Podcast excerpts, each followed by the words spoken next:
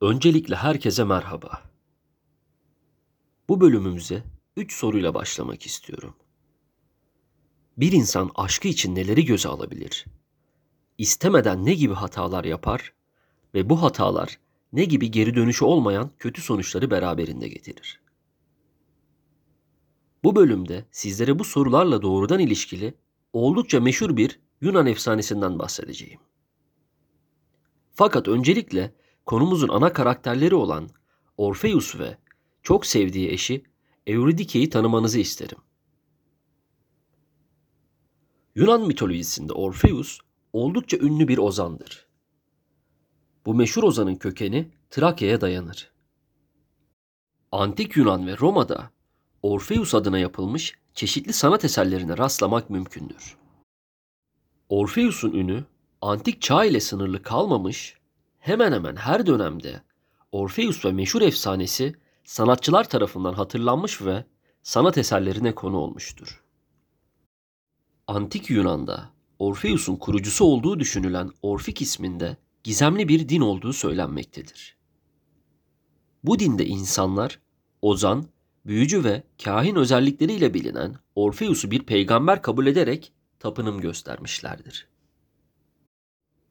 Ozan Orpheus'un annesi meşhur ilham perilerinin en büyüğü olan Kalliope'dir. Babası ise kimi anlatılanlara göre Trakya kralı Oegrus, kimi anlatılanlara göre ise sanatın tanrısı ışık saçan Apollon'dur. Tasvirlerinde sıklıkla elinde liri, başında ise yapraklardan oluşan tacıyla Apollon'u andıran temiz yüzlü bir genç olarak betimlenmiştir. Yer aldığı eserlerin çoğunda eşi Eurydike ile beraberdir. Orpheus lirini o kadar güzel çalarmış ki vahşi hayvanlar, canavarlar, kuşlar ve balıklar adeta büyülenirmiş. Sanatıyla nehirlerin yönünü değiştirir, ağaçları ve taşları dansa kaldırırmış. Tanrılar ve tanrıçalar bile hayran kalırmış lirinden çıkan sese. Argonotlar seferinde görev alan Orpheus, denizcileri etkileyici sesleriyle ölüme sürüklemeye çalışan efsanevi yaratıklar sirenlerin sesini güzel sesiyle bastırınca gemideki tayfa büyük bir kayıptan kurtulmuştur. Orpheus'un çok sevdiği eşi Eurydike ise bir orman perisidir. Bazı kaynaklarda Eurydike'nin de Apollon'un farklı bir ilişkisinden dünyaya geldiği söylenmektedir. Oldukça güzel bir kız olan Eurydike, erkekler tarafından hep ilgi odağı olmuştur. Tasvirlerinde sıklıkla güzel giyimli, dalgalı saçlarıyla genç bir kız olarak betimlenen Eurydike'nin en bilinen sembollerinden birisi ise yılandır. Güzeller güzeli orman perisi, eşi Orpheus'a oldukça bağlı bir kadın olarak bilinmektedir. Bu meşhur aşkın dillere destan öyküsüne gelelim şimdi de. Orpheus günlerden bir gün insanları eğlendirdiği bir şenlikte Eurydike ile göz göze gelir. Orpheus ve Eurydike ilk görüşte birbirlerinden çok etkilenmişlerdir. Orpheus'a göre bu zamana kadar görüp görebileceği en güzel kız Eurydike'nin ta kendisidir. Güzeller güzeli Eurydike'nin de hisleri hiç farklı değildir. Orpheus'un sesinden bir hayli etkilenen genç kız, Ozan'a daha derin duygular hissetmeye başlamıştır. Birbirlerine karşı oldukça sadık ve hoş bir ilişki yaşayan aşıklar zamanla evlenmişlerdir. Evlilik ve düğünle ilişkilendirilen Tanrı Himenaios tarafından evlilikleri kutsanan çiftin evliliği oldukça güzel başlamıştır.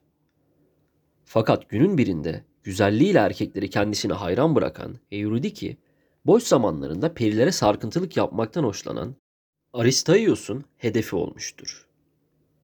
Aristaios hayvancılık ve tarım ile uğraşmaktadır. Ayrıca Yunan mitolojisinde arıcıların ve çobanların koruyucusu olarak bilinmektedir. Ne tesadüftür ki Aristaios da ışık saçan Apollon'un bir diğer aşkı Kireni ile olan birlikteliğinin bir meyvesidir.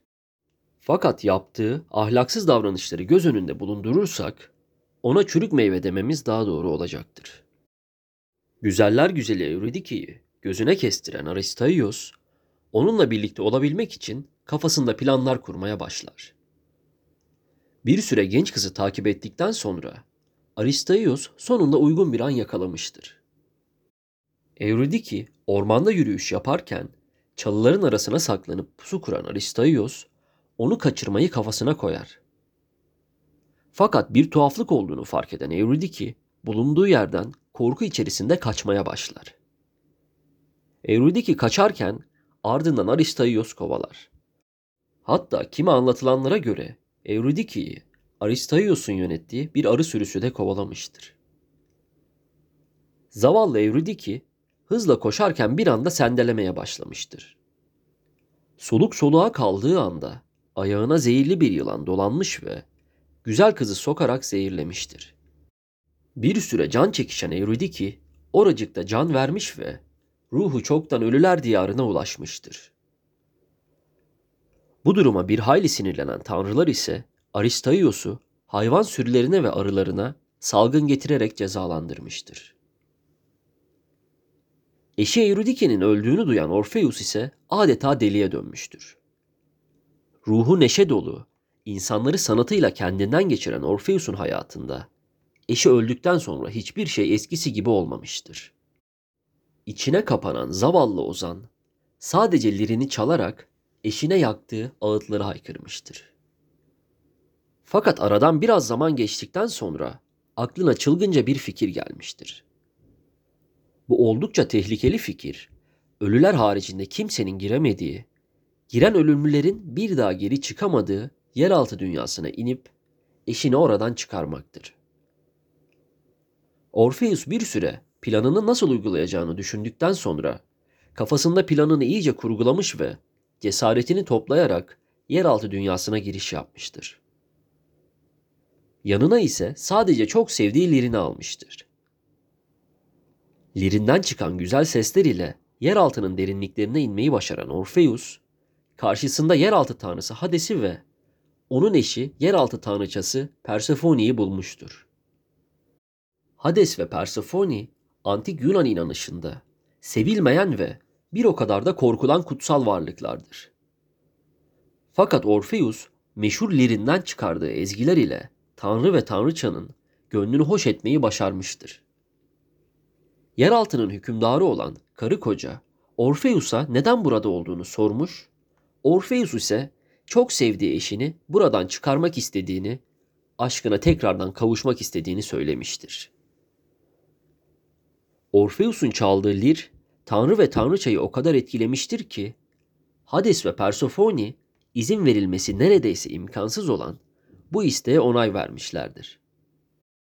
Fakat Persephone'nin tek bir şartı bulunmaktadır. Orpheus önden gidecektir ve arkasından gelen eşine yeryüzüne çıkana kadar asla bakmayacaktır.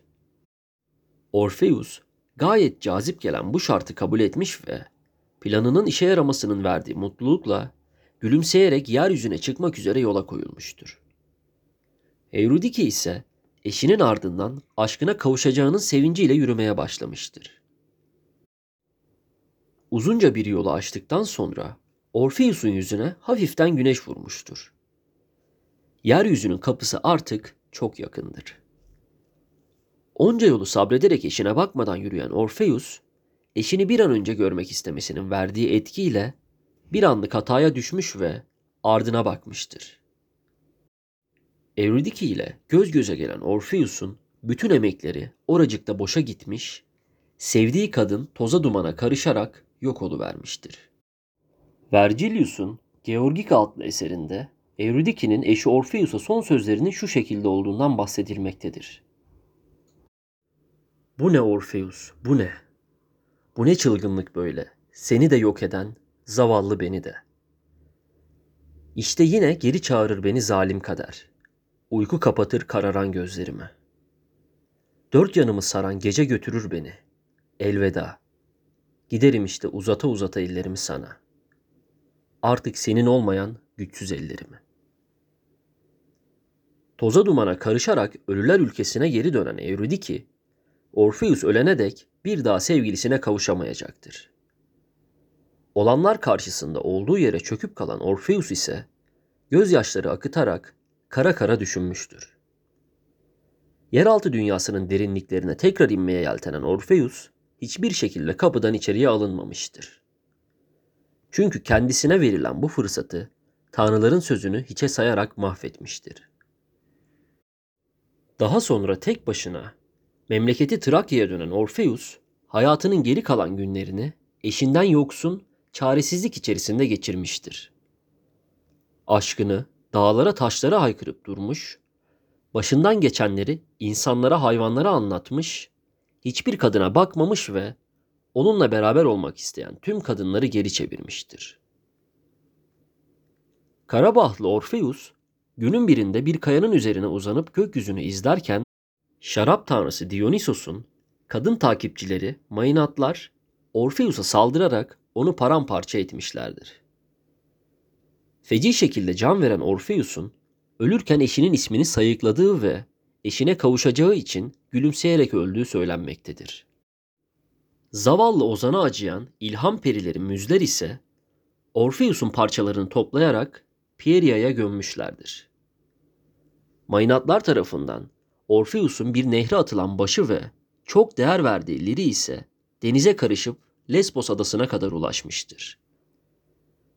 Midilla adası olarak da bilinen Lesbos adası, antik Yunan'da yetiştirdiği meşhur ozanlarıyla bilinmektedir. Lesbos adasının bu kadar ünlü ozanlar yetiştirmesi ise Orpheus'un adaya gelen başı ve Liri ile ilişkilendirilmektedir. Aşkı için ölüler diyarına girmeyi göze alan, heyecanına yenik düşüp arkasından gelen eşine bakarak tanrılar tarafından affedilmeyecek bir hata yapan ve bu hata sonucunda sevdiğinden yoksun kalarak çaresizlik içerisinde bir yaşam süren zavallı ozan Orpheus'un hikayesi de böyledir işte. Orpheus belki Eurydice ile yeryüzünde mutlu olamamıştır ama kim bilir belki yer altında çok güzel ezgiler çalıyordur biricik aşkına.